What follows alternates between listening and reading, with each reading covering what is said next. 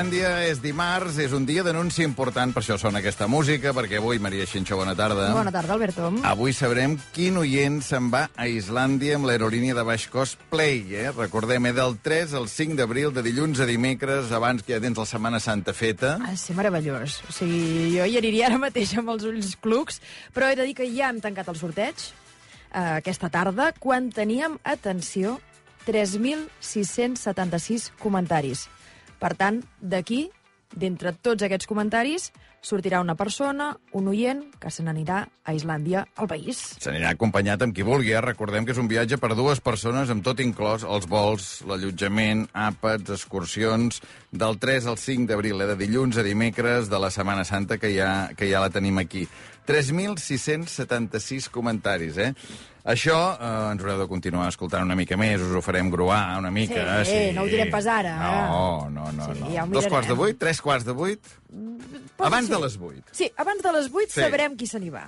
Va, Abans així. de les 8 sabrem qui és l'oient afortunat que se'n va un d'aquests 3.676 comentaris que han deixat a, a Instagram i que tindran la sort doncs, d'anar-se'n a Islàndia, al país del 3 al 5 d'abril. Bé, eh, però avui és dimarts, i avui, com cada dimarts, toca saludar el Xavi Bosch. Xavi, bona tarda. Què tal, amics? I has estat mai a Islàndia? No, No, però no. pensava que hi havia un sorteig també per col·laboradors i que podria triar si em tocava, si anava amb Joaquín Luna, amb l'Anna Ponsí. Estaria bé patrocinar això, no? Estaria bé, estaria bé. A més a més, tu podries, si fessis un comentari, podries deixar, home, m'agradaria molt que fos l'escenari d'una meva futura novel·la, potser, no? Home, doncs no està mal pensat, però m'agrada descriure llocs que conec i Islàndia, atès que no hi he estat mai, em costaria més. Per això m'hi heu de convidar. No, escolta'm, jo ho veig perfecte. Parlem amb els de Play, que organitzin aquest viatge així per col·laboradors i membres i membresses. Ah, membresses de l'equip també? Sí, Ah, sí, jo penso que sí, El no. Xavi ho posava només en el terreny dels col·laboradors, també creus Penso que... no cal deixar els col·laboradors sols en un ambient inhòspit que no Mhm. coneixen, com és Islàndia. Nosaltres, que almenys que tu ja has ja hi hem estat, li anat podries fer de vegada. guia, si, eh, per documentació de la novel·la, Exacte. el que fos. que ja vam anar Exacte. junts a París. Si ara ens escapem a Islàndia, algú començarà a pensar malament. Jo no, no, crec no, que sí. tots els col·laboradors. Va, Llavors eh, ja no, no es nota lo nostre, Xavi. Clar, perquè, perquè a més hi ha aquest, aquesta novel·la no, que passa a París, que és el 32 de març, no, que té a veure també amb un confinament, vull dir que de temperatures, o sigui, motius pels que et quedis tancat a casa a Reykjavik, com es queda la parella tancada en un pis de, de Montmartre a París, també hi són. Ara mateix estem a 6 sota 0 Reykjavik, per exemple, no? A París estem millor, estem millor. Però vaja, eh, el març del 2008 va, fer, va ser l'any de la Gran Nevada i per això als protagonistes els passa el que es passa. Bé, molt bé, molt bé. Doncs escolta'm, avui, avui, avui a part de saber qui se'n va a Islàndia, avui tenim el sobre de vaticinis aquí, i a més a més el Xavi aquests dies que l'estem sentint, l'estem veient a tot arreu, en la promoció de la seva novel·la, vas estar en aquest estudi fa poc, Sí, aquí, Home. amb en Basté. amb el Basté. Mm, Jo, respecte a aquella entrevista, eh, que, que he de dir que estic un punt disgustada, Per... Eh, hi ha una cosa que va passar, doncs això, sí, en aquest estudi, però en un horari que no era islandès, Sí. en aquesta entrevista amb el Basté, que va ser dijous passat, just el dia Sí, que sí. sortia el llibre Sí. a, a la venda. Mm, És Ai, que no, prefereixo, que, fer? prefereixo que ho escoltem, perquè a veure si tens alguna explicació convincent. Ai, una cosa, Jordi. Ai, que jo no sóc Jordi Bosch, deixa'm-ho dir. Ah, Perquè porto do, dos anys, quan vaig de clubs de lectura i biblioteques per Catalunya, que tot, i és divendres, tothom diu, ja t'he sentit aquest matí. Sí. Dic, a on? Diu, a Mona Recum, al Basté. Dic, no, no, sóc jo. Sí, sí, que ets tu, que ets Jordi Bosch, que ja ho estic. No, no, ell és Jordi Bosch, jo ets Xavier Bosch. M'agrada, per sort, coincideixo en un 95% amb les opinions del Jordi Bosch. Per tant, em sento ben representat.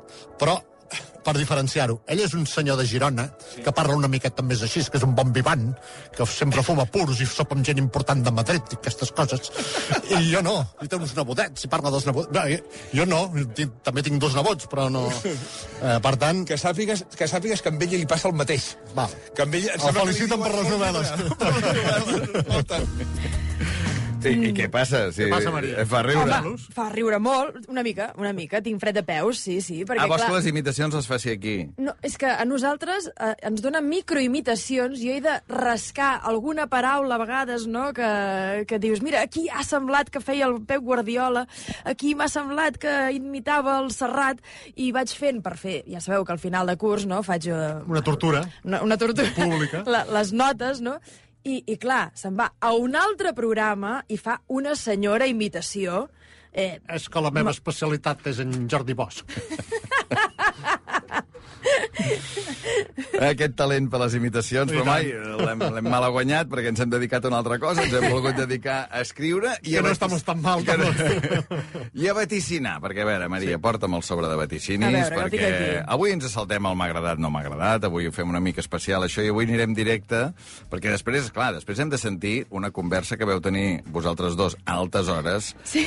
a París. A París. Jo he vist la foto, només, que els oients la poden veure també a les xarxes, anàveu molt abrigats, eh? Molt. molt Feia abrigats. molt fred. Un clima islandès en aquell Sí. moment. eh, Fregava a la mitjanit i diria que estàvem sota zero. Sí, Però vam decidir que era millor fer-lo a, a l'aire lliure, a, amb aquell ambient, que es notés que érem a París, no? i veient una mica uh, i sentint uh, aquest Montmartre, que és on passa la novel·la, que no pas tancar-nos a dins de l'hotel o... a l'habitació, O a l'habitació, exacte, perquè ho hauríem pogut fer llavors aquí. Que voleu que sentim l'entrevista ara i després fem els vaticinis? No, no, tirem els vaticinis, tirem els vaticinis, que segons com, jo aniré marxant. Ah, sí? Ah, no? Afort afortunat en la literatura, desafortunat en el joc dels vaticinis? Exacte. Anem a veure, va. Borges us ofereix aquest espai. Veure si és veritat això que apunta el Xavi Bosch, que aquest sobre no li anirà especialment bé. Vaticinis pel 14 de març de 2023, és a dir, per obrir avui, sobre tancat dimarts de la setmana passada a un quart de 12 del migdia, que sona així, aquest sobre. Hi ha d'haver vuit vaticinis i, mira, avui n'hi ha tres d'esportius, posa. Tres vaticinis esportius per Poca cosa, començar. poca cosa. Perquè hi havia Òscar i llavors... Ah, clar, clar, clar, clar, clar. Perfecte. Som-hi? Doncs va, primer vaticini, val un punt, Champions League.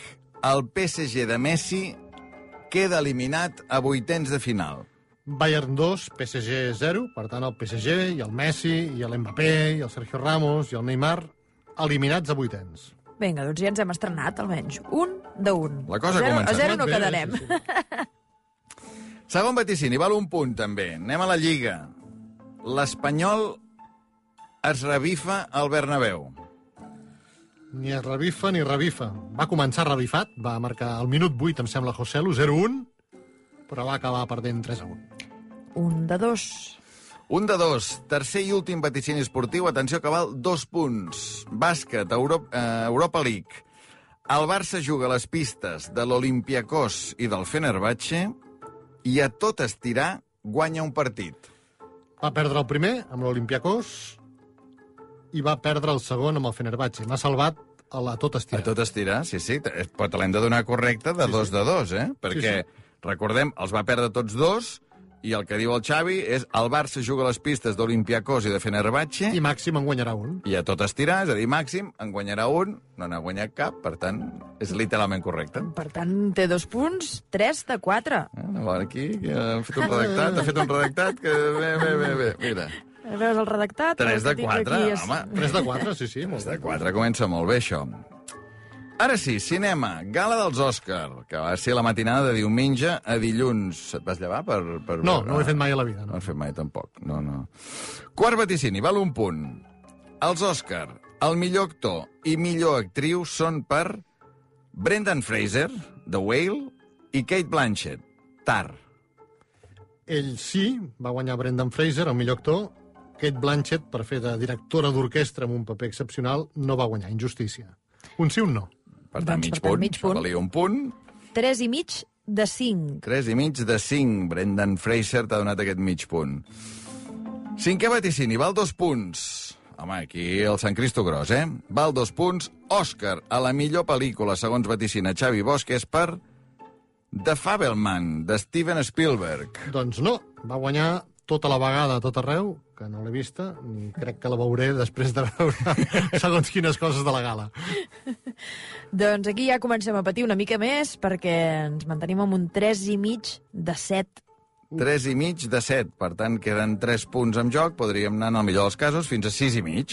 Que Fins no a estaria gens mig. malament si arribéssim al sis i mig, però ja ho hauria d'encertar absolutament tot. Sisè vaticini, últim vaticini que té a veure amb els Òscar, val un punt. L'Òscar a la millor pel·lícula estrangera és Argentina 1985. La pel·lícula de Darín m'havia donat un punt al dia dels Gaudí, un punt al dia dels Goya, vaig pensar que també em donaria un punt pels Òscar, i m'ha donat, no un punt, m'ha donat...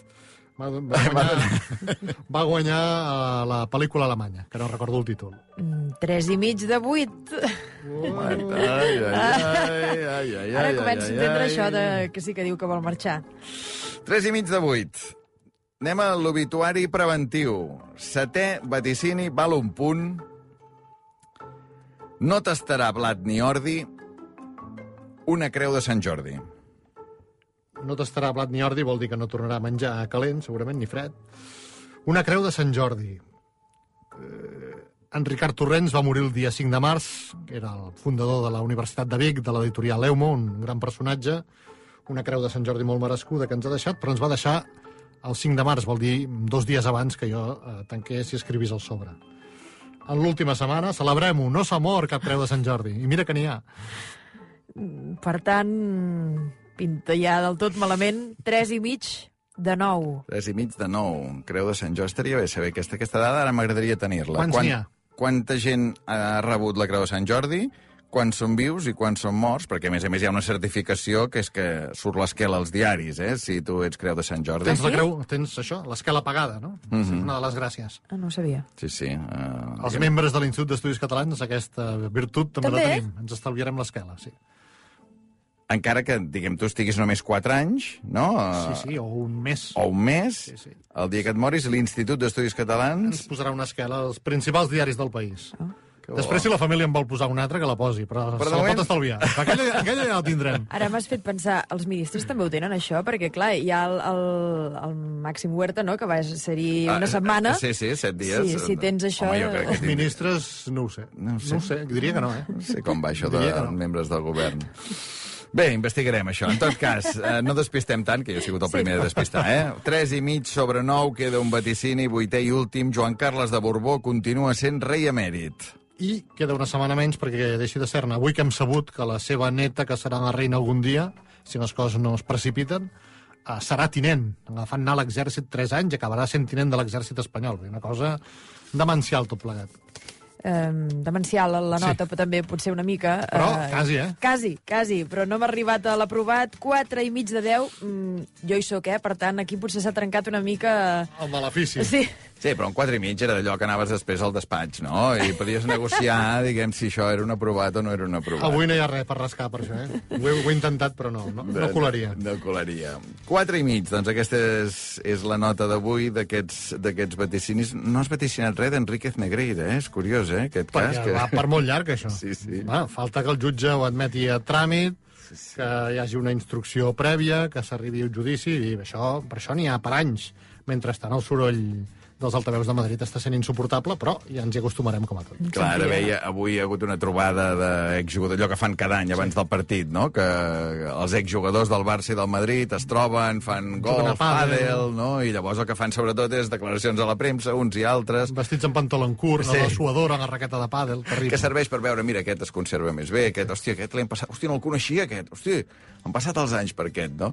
I clar, normalment parles de, de, del partit, i avui el partit quedava molt en segon terme, no? Era... És el que els interessa a Madrid, també. Sí, sí. Que quedi en segon terme, perquè segons com la Lliga s'haurà acabat i em fa l'efecte i va, ja, ja en parlarem, perquè al sobre de la setmana que ve Home, aquest hi ha sobre- vaticinis sobre el Barça-Madrid. N'hi ha Clar. dos, concretament.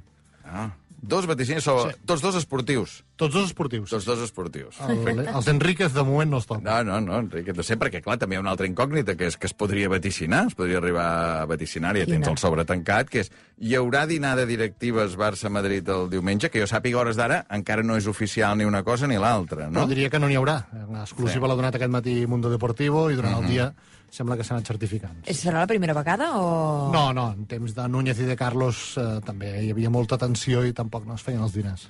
Núñez i de Car... Això no De fet, Tarradellas Ah, va fer, això fer una abraçada històrica. Tarradellas A veure, a va haver de posar pau entre el president del Barça i el president del Madrid. Sí, sí, sí. És que és quan has dit Núñez de Carlos, dic, hòstia, m'ha vingut la imatge aquesta que Tarradellas els havia cridat i havia dit, escolti, senyors, facin les paus. I... Presidents dels clubs.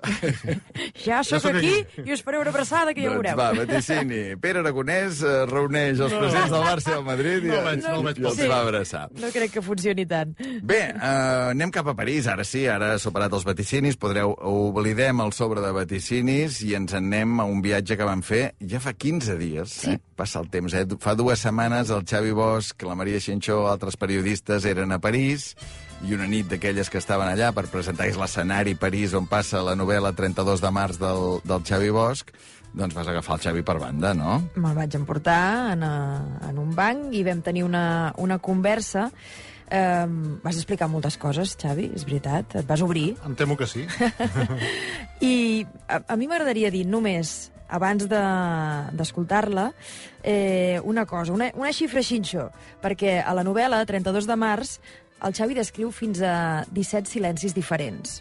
Us els dic. Parla d'un silenci contemplatiu, silenci còmplice, silenci de museu, silenci enclotat com la boira de matí, silenci coagulat, un silenci infantil, un silenci invisible, un silenci espès, un silenci recollit, un silenci serè, absolut, rebec, de supervivència, de tomba, un silenci que va rebotar per tot el pis, un silenci reverencial i un de boirós.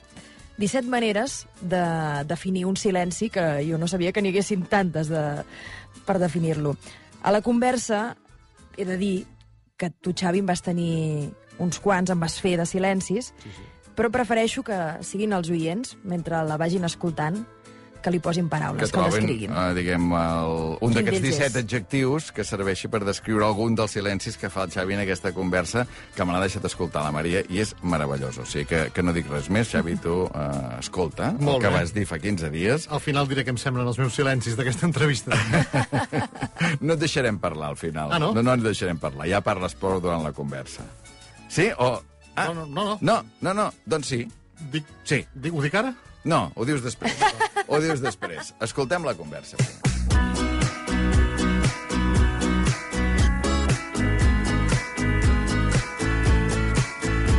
Hola, Xavi. Què tal, Maria? On som ara, Xavi? Som en un racó molt tranquil de Montmartre. És molt tard a la nit, pràcticament mitjanit, no hi ha turistes, no hi ha gent, no hi ha gairebé ningú, algú que de tant en tant passeja, passeja un gos, i som en una plaça que es diu Emil Godó, que és... Ideal per fer una entrevista amb RAC1. Sí, uh, ideal. Emil Godó, no era de la família, però podia haver estat. I aquí en aquesta plaça hi ha l'Evator Lavoir, que és a dir, el taller on Picasso va pintar durant molt temps a París, el tercer taller de Picasso, i on va fer els primers quadres cubistes. I durant el, tot el dia, per aquí, que tenim l'hotel molt a prop, ha anat passant gent i gent i guies i tal, que els expliquen l'Evator Lavoir. I hi ha un relé que ara mateix no hi ha ningú a la terrassa perquè fa molt fred, és tard i estan tancant, però em fa l'efecte que aquí estarem bé. Quantes vegades has vingut a París? Ho has comptat? Va haver-hi un moment que vaig perdre el compte, però, però moltes, són moltes. O sigui, viatges de dos dies o viatges de 15 dies o d'un mes, en total, no sé, pot ser una quarantena de vegades mig centenar, posem-hi, va. Potser no, però entre 40 i 50, sí. I per què 50 vegades, eh, o entre 40 per i 50 molts motius, vegades? eh, bàsicament familiars, de feina, de, de fi, fins i tot eh, dues finals del Barça. Mm. Aquestes les miro d'oblidar les de bàsquet, que, per exemple, vam perdre. El pare tenia aquí unes feinetes, a la, tenia una petita fàbrica d'acer inoxidable que alguns estius, en comptes de fer vacances a Catalunya, aprofitava per venir a treballar, i per tant la meva mare, el meu germà i jo veníem amb ell i ens estàvem una setmana en un hotel i, i de tants anys de venir al final ja no miraves eh, les, les coses que mira tothom quan fa el turista, no? La Notre Dame i Sacré-Cœur i Torre Eiffel i ja t'endinsaves més per barris i llocs i dreceres que normalment no visites i només vens a París quatre dies una vegada a la vida. Com eren, per tant, aquests viatges? Un cop ja a París ja el teníeu més apamat. Com t'hem d'imaginar? Quina edat tenies? Doncs eh, pocs, des de, des de 7 o 8 fins a 12, suposo. De fet, París, per mi també, eh, i t'ho dic aquí amb, amb la ciutat a, a, a l'esquena veient-la des de Montmartre, mm, París és la meva mare, perquè l'últim viatge que vam fer junts tota la família eh, va ser a París eh, l'any 84, ella es va morir l'any 87, però ja després d'aquell viatge i la malaltia ja havia reaparegut. La meva mare va estar malalta pràcticament per mi, sempre. perquè quan teníem 5 anys, meu germà és més gran, jo era el segon, havien de tenir un germanet que ja li teníem l'habitació feta, i el va perdre pocs dies abans de parir. I no sé si arran de perdre el fill i d'haver-li de treure de la panxa van descobrir una altra cosa o si ja va perdre el fill perquè tenia aquesta altra cosa. La qüestió és que va el, el sistema limfàtic, per tant una malaltia eh, de la sang la va deixar fora de combat molt jove, jo tenia 5 anys, i, i durant molts, molts anys, 3 o 4 o 5, vaig veure la meva mare, vam veure a casa sempre la meva mare malalta, amb uns tractaments de quimioteràpia que eren molt més d'usos en efectes secundaris dels que hi ha ara, patia molt eh, de dolor, de, de malestar, de marejos, sortia eh, en aquelles sessions i en aquelles tandes durant moltes setmanes no sortia pràcticament de l'habitació, del llit, sempre amb el llum amb una claror tènua molt, molt, molt baixa, i un patiment molt gran. I bé, es va anar, amb els anys es va anar refent, va passar una època, un estiuet de Sant Martí llarg de 5 o 6 anys eh, que semblava curada i que tot era felicitat, però després del 84 hi va tornar i la decadència dels tres últims anys va ser novament molt dura. Jo en tenia 14-15, la mare, quan es va morir ella, jo en tenia 19, el meu germà 21, i aquell viatge a París aquelles fotos a l'hotel de davant de l'òpera del Palais Garnier i tot plegat són el, el record més bonic de l'últim moment, de l'última hora sublim amb la, amb la nostra mare. No?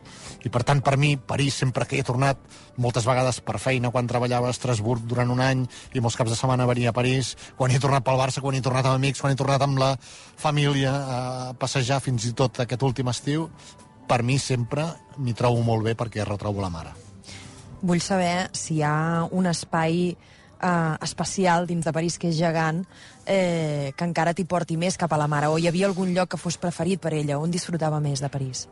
Ah, mira, a, a l'Avinguda de l'Òpera que va de l'òpera fins a la Comédie Francès i al Palais Royal i allà és on ella s'hi trobava bé. Ella li encantava l'òpera, tot i que mai vam anar a veure òpera aquí. Sí que havíem vist, per exemple, uh, Le Bourgeois Gentilhomme de Molière uh, a la Comedy Francès, que és tot un esdeveniment i tot, tot un espectacle. I en aquesta zona, de, mm, al voltant de Sant Honoré, Place Vendôme, la Rue de Rivoli, entrar fins a veure el G de Pom, que en aquell moment era el Museu dels Impressionistes, aquí és on ens trobàvem especialment bé. La mare i l'òpera, eh, això sempre anava de la mà, anava lligat? Sempre. Eh, de fet, els meus avis materns es van conèixer damunt d'un escenari cantant sarsuela de manera amateur. Per tant, la música sí. sempre ha estat molt, molt present a casa. La mare escoltava òpera sempre, en discos de vinil. De fet, quan estava molt malalta jo vaig escriure el seu gran ídol, que era l'Alfredo Kraus, el tenor eh, canari, per dir-li que si li podia enviar una foto dedicada a la meva mare i ho va fer, Alfredo Kraus. Va ser dels últims regals que li vaig poder fer a la mare. De fet, la mare, quan ja estava molt malalta i venia amb les crosses fins a la meva habitació i se seia com podia, ella i jo cantàvem algun duet d'òpera junts. De fet, el Parigi, Parigi, París, Parigi o cara, no? i la Xeremo, de la Traviata, París, estimada, nosaltres deixarem en una òpera on la protagonista està malalta, tísica i acaba morint, per tant tot s'assembla massa a la nostra història, no? Ella i jo és una àrea de tenor i soprano i ho cantàvem. Ella cantava millor que no pas jo, però cantàvem el Parigio cara, no? Bé, i aquest estiu va passar, Maria, un fenomen diria que paranormal, un senyal. Jo no crec en aquestes coses, però va passar i t'ho explico. Vaig sortir una tarda tot sol a passejar pel Pont des Arts i anar cap al barri de Garrif Gos i Sant Germain i tot això, i em vaig posar els AirPods. Jo no sóc molt bo amb la tecnologia, però bueno, vaig arribar a aprendre que m'havia de posar un, un auricular a cada orella, anar a Spotify i vaig posar no sé si Xeresat de Rimsky-Korsakov perquè ja estava pensant en la novel·la o el que fos mm -hmm. i no sabia que si no prems no sé quin botó de tant en tant el, el random de Spotify et va saltant a diferents músiques. Uh mhm. -huh. De manera que no acabava cap tema i em anava saltant de Rimsky-Korsakov a Bach, de Bach a Prokofiev i no sé què, tal i qual, i estic travessant el pont des Arts, que és un pont que travessàvem amb els pares, i em sona Parigi o Cara. En el meu AirPod, dintre del meu cap, l'àrea que cantàvem amb la meva mare. I tot d'una acabo de travessar el pont i s'acaba i el random de Spotify em passa una altra música de Schubert. em, va emoci- em vaig emocionar. Però vaig tornar a casa esgarrifat i li vaig dir a la meva dona i a la meva filla m'ha passat això. Ha estat magnífic, ha estat un record per ella a la seva ciutat, de la nostra àrea, però va ser una casualitat. Però va ser potser també un senyal. I quan passes per allà... Eh, I penso. I penses. Avui, avui hem passat dues vegades i, he pensat, sí, sí. I pensaré sempre més, segurament. Digue'm un consell que et donés la, la teva mare, que el recordis. Les mares sempre són bones conselleres. Malauradament no te'n puc dir cap de consell. No, no eh, he oblidat moltes coses, moltes converses, eh, eh, pràcticament la veu. En aquella època no hi havia pel·lícules hi havia pel·lícules de, de, de Super 8, però les, les camaretes de vídeo eh, van arribar ja quan ella feia l'últim revolt i no m'agradava film, filmar-la en aquell estat. I per tant tinc el vídeo del seu casament i poca cosa més, però és mut. No, no, no parlen, no? per això et dic que no puc recordar la veu i era una dona molt simpàtica, molt agradable, eh, molt charmant, molt Sancho, que és la banda simpàtica de, de la família, per dir-ho així, la, la del sentit de l'humor, però consells, eh, em sap molt greu, no per tu ni per l'entrevista, sinó per mi, no en recordo cap. M'has dit que tu tenies mm, 19 anys quan ella es mor. Què passa llavors a, a la vida de Xavi Bosch? Com et quedes tu? Com ho tires endavant? Pensant que tens 19 anys, que no pots fer patir el teu germà i el teu pare i la família que ens estima, les àvies, no? que en aquesta novel·la són tan importants les àvies. N'hi ha hagut una que sempre va viure amb nosaltres, tant a l'hivern com a l'estiu quan anàvem al Masnou, eh, i l'altra que va estar sempre eh, al damunt nostre, i per tant jo m'havia de fer el fort, m'havia de fer el valent, i crec que ho vaig ser. I, i, i mirar de no ser problemàtic. I per tant, eh, durant, durant aquells anys intentar estudiar a la universitat, havia deixat TESADE, vaig començar periodisme i m'havia d'esforçar per fer per fer-ho bé. I per alliberar els fantasmes, o per, per més que alliberar els fantasmes, per, per treure la ràbia, el dolor del damunt, vaig començar a escriure, que és una cosa que no havia fet mai. I em va sorgir de fer una història que, que explicava eh, l'últim estiu d'un noi adolescent al Masnou eh, que coneix l'amor per primera vegada al mateix moment que la seva mare eh, es va fonent fins a arribar-se a, a morir. La meva mare es va morir pràcticament el dia de Reis, quan tots els nens el dia 6 de gener del 87 a les llars de Catalunya els seus pares es llevaven per dir anem a obrir la porta a veure si el menjador han passat els Reis a mi em va obrir la porta de l'habitació el meu pare i em va dir vés-te acomiadar de la mare perquè ja, ja ha marxat i només li queden hores de vida. Uh, bé, uh, l'agonia va ser novament massa llarga, va estar tres dies uh, patint i finalment uh, es va morir. I jo vaig escriure un relat, aquell relat que t'explicava, que es va titular La màgia dels reis. Uh, explicant el, el fet, no?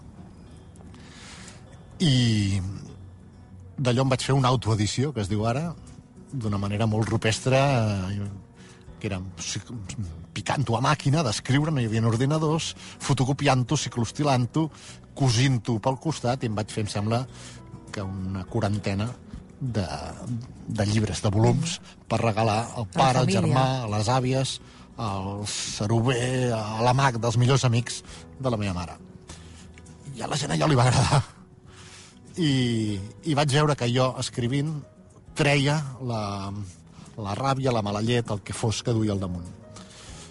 I, per tant, el desig d'escriure segurament va néixer en aquell moment. Fas aquesta primera novel·la, Mhm. però després tardes encara un, un temps a tornar-hi, diguem.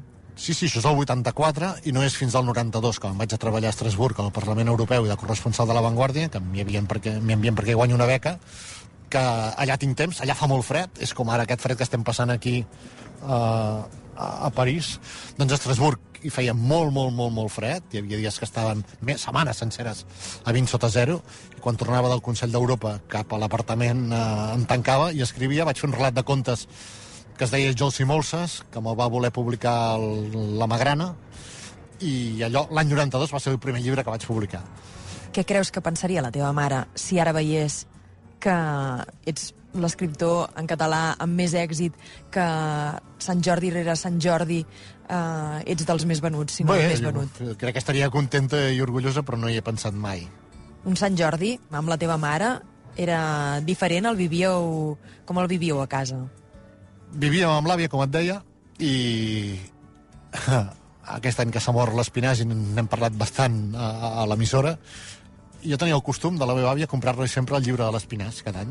Fos la transcripció de les entrevistes de l'Identitats, fos a peu per on fos, com cada, cada any hi havia un llibre segur nou de l'Espinàs, jo el comprava eh, i li portava a la meva àvia i li feia molta il·lusió, ja l'esperava, esperava Garrosa i el, i el llibre de l'Espinàs. A partir de la mort de la mare, que jo ja conduïa, tenia 19 anys, agafava en R5 i estic explicant una cosa, Maria, que no, no he explicat mai, crec que no ho sap eh, i el meu germà.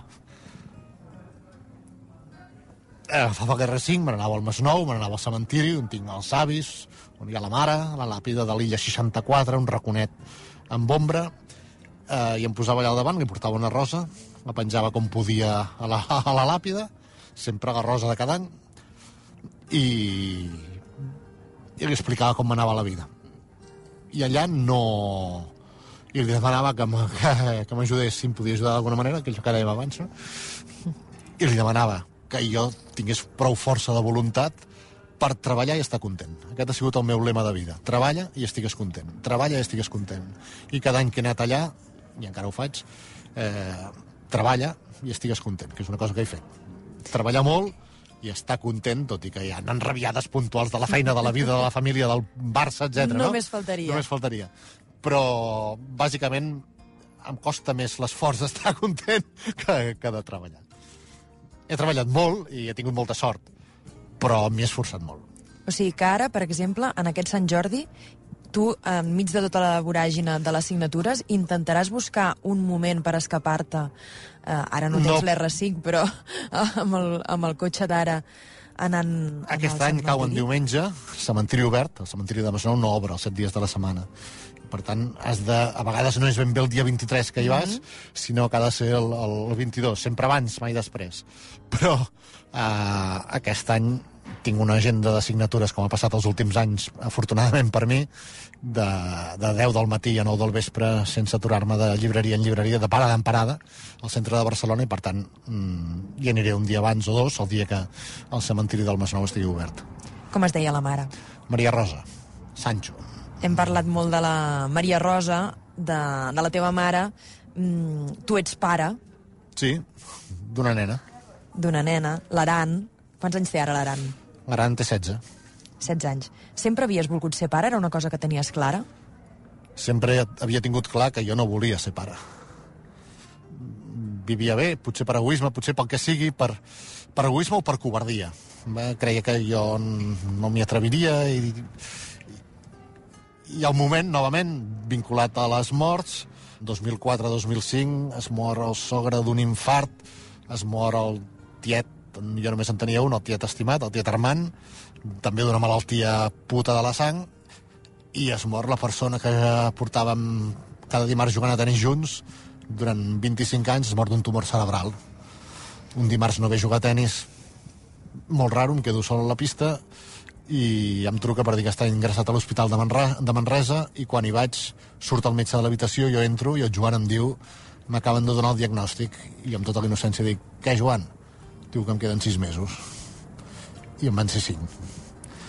I aleshores, entre el sogre, entre el tiet Armand, entre el Joan, hòstia, vaig dir, aquí estem per, eh, per continuar, per passar-nos-ho bé, i, i de cop i volta, bueno, vaig creure que, que sí, que, que volia tenir fills, i realment, com sap tothom que ha estat pare, és una decisió eh, espectacular i el millor, que, hem- el millor que he fet a la vida, sens dubte. Tu dius que aquesta ha sigut la, una gran decisió, la de ser pare. Parla'm també del teu pare, perquè hem parlat de la Maria Rosa, hem parlat de la filla, l'Aran. Uh -huh. uh, el pare com, a, com, es die, com es deia?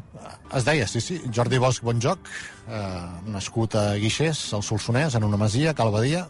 Moltes generacions amunt trobaríem des del 1200 nascuts a, allà i ells baixen a Barcelona perquè el meu avi té una malaltia pulmonar. Així com tothom li diuen, escolti, vostè està malament dels pulmons, vagi al camp.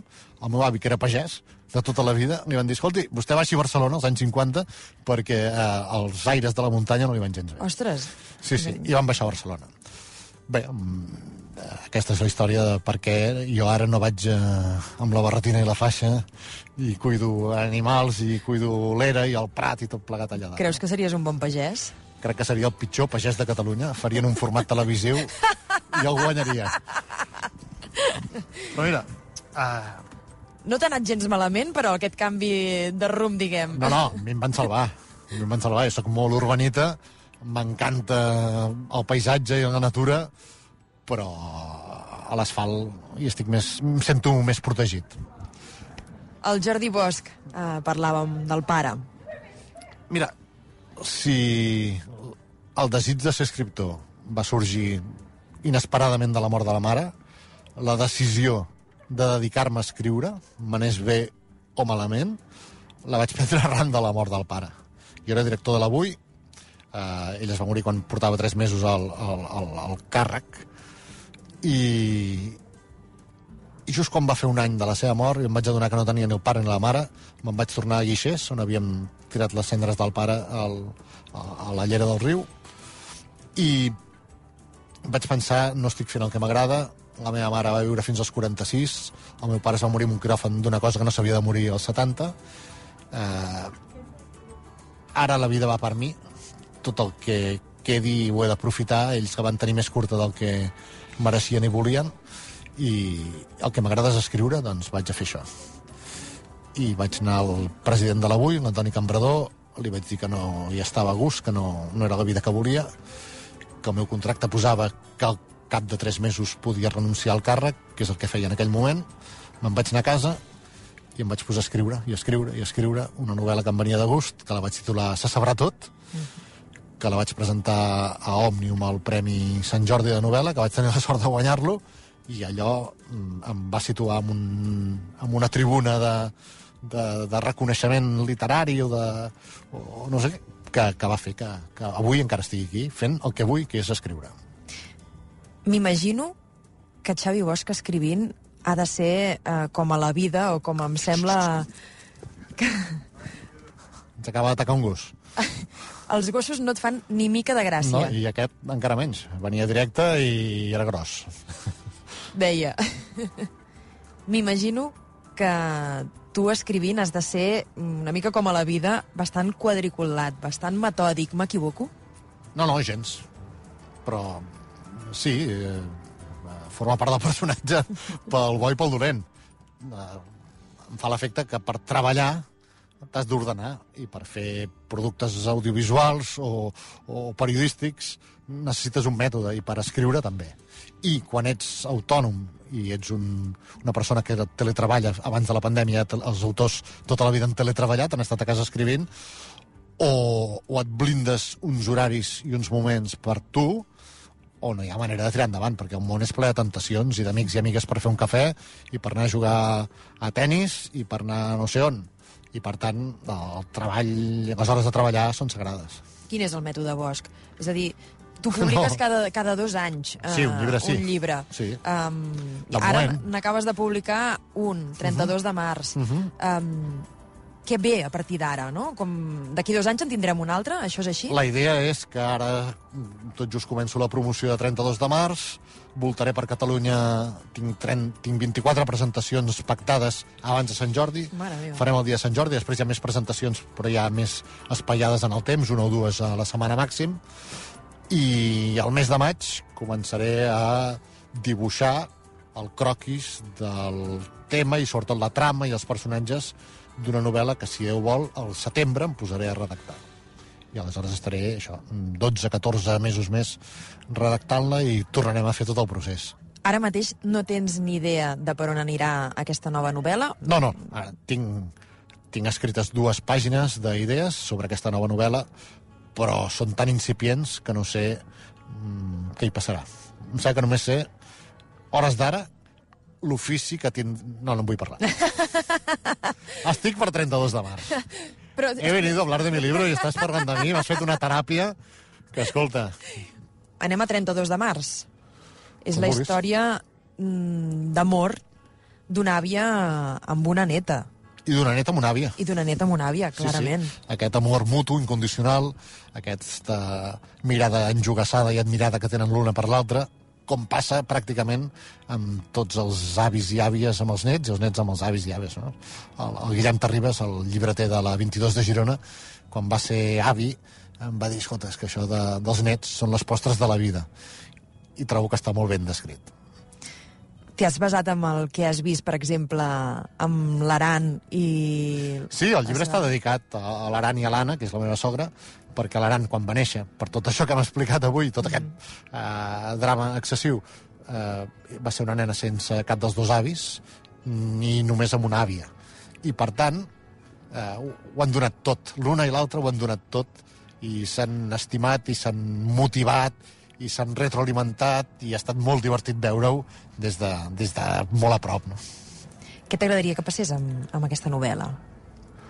bo, que la gent la llegís i que els lectors s'ho passessin bé en les 8, 10 hores, les que siguin, que triguin a llegir-se aquests 40 capítols d'aquesta història. I que vegin que que el periodisme té una cara bé, que és la propaganda, que és el periodisme al servei d'una mala causa, d'una idea perversa i m'agradaria que els periodistes maldessin per continuar fent la nostra feina, que és el compromís amb els ciutadans de d'explicar la realitat que passa, no enmarcar i enquadrar només allò que convé al poder del moment que ensenyem. I m'agradaria que tots els que hem estat nets i tots els que són avis o àvies es reconeguessin pensant que aquesta història potser també és la seva. Hi ha una frase que va sortint al llarg de la novel·la, hi ha un personatge que a més a més està obcecat en, en anar demanant i preguntant què vols ser quan siguis gran? Sí, Què vols ser, Xavi? és una pregunta siguis gran? a la novel·la. Què vull ser ja quan sigui gran? Home, mira que portem dies de promoció i aquesta no me l'havia fet ningú, Maria. Ho tinc bastant ben muntat. Firmo en seguir així, tants anys com pugui ser. És a dir, segurament eh, vull dependre menys del periodisme i vull dedicar-me més a la ficció, encara més. Perquè...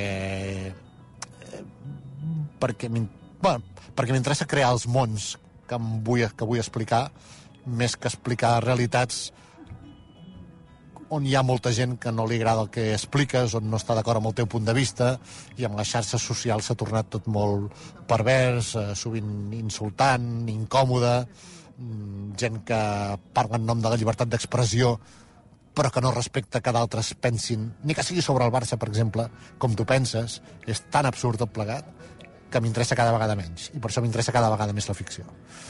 Però firmo, de gran, continuar com fins ara. Xavi, estem. Uh, tu has passat bé, Estem has de fred. patit... Sí, això sí. He patit pel gos que m'atacava. He patit, sí, perquè he explicat coses que no sé ni per què te les he explicat, perquè segurament sense aquest escenari aquí al mig eh, passant fred a, a les escales de Montmartre no ho hauria explicat i no ho havia explicat a ningú i no sé per què encara ho he fet, però has tingut aquest poder. És que París és la mare, no? I París és la mare. París som nosaltres. això. Gràcies, Xavi. que vagi bé, Maria.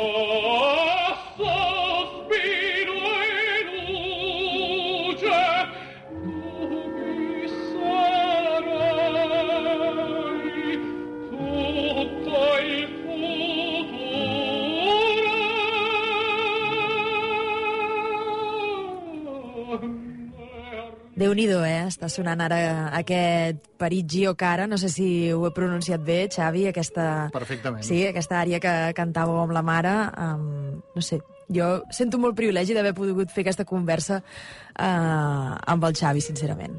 Jo em sembla que ja ho he dit tot i més del que hauria hagut de dir, segurament. Eh, Vas agafar-me amb la guàrdia baixa, amb un moment de- d'emocions a flor de pell, i, i bé, eh, realment és una entrevista com no n'havia fet mai cap uh, fins avui. Ah, no només la relació que teniu, diguem, eh, tu i la Maria, i influeix, a vegades també el lloc on es fan les converses és molt important, no? I una primera decisió que és fer-ho a París, diguem, i una segona que és fer-ho a l'aire lliure, que segurament no és el mateix que si haguéssiu estat calentets, tancats allà Segur que no. eh, a la recepció d'un fos, hotel, no? Fos un racó de Montmartre on no passava ningú i on els meus silencis si a la novel·la ho defineixo de 16 maneres diferents, que és un joc literari que he fet, mira de definir que no hi hagi dos silencis iguals, que cadascun tingui una característica pròpia. El que anava sentint jo en aquell moment de fred i amb les teves burxades amb les preguntes i les meves explicacions, per mi aquells silencis eren silencis eh, punxeguts. Silencis punxeguts, els que hem pogut escoltar. Gràcies, Xavi Bosch. He de fer una pausa. De seguida, tornant de la pausa, fem-ho ja, no? Sí. Tornant de la pausa direm qui és l'oient que s'emporta aquests dos vols amb tot pagat del 3 al 5 d'abril amb la companyia aèria Play per anar-se'n a Reykjavik. Ara tornem. A Borges sabem el que de veritat importa. I per això cuidem la teva salut i la dels teus. I t'oferim productes saludables, elaborats amb ingredients d'alta qualitat, per ajudar-te a gaudir d'una alimentació sana i equilibrada. Borges, cuidant el que importa.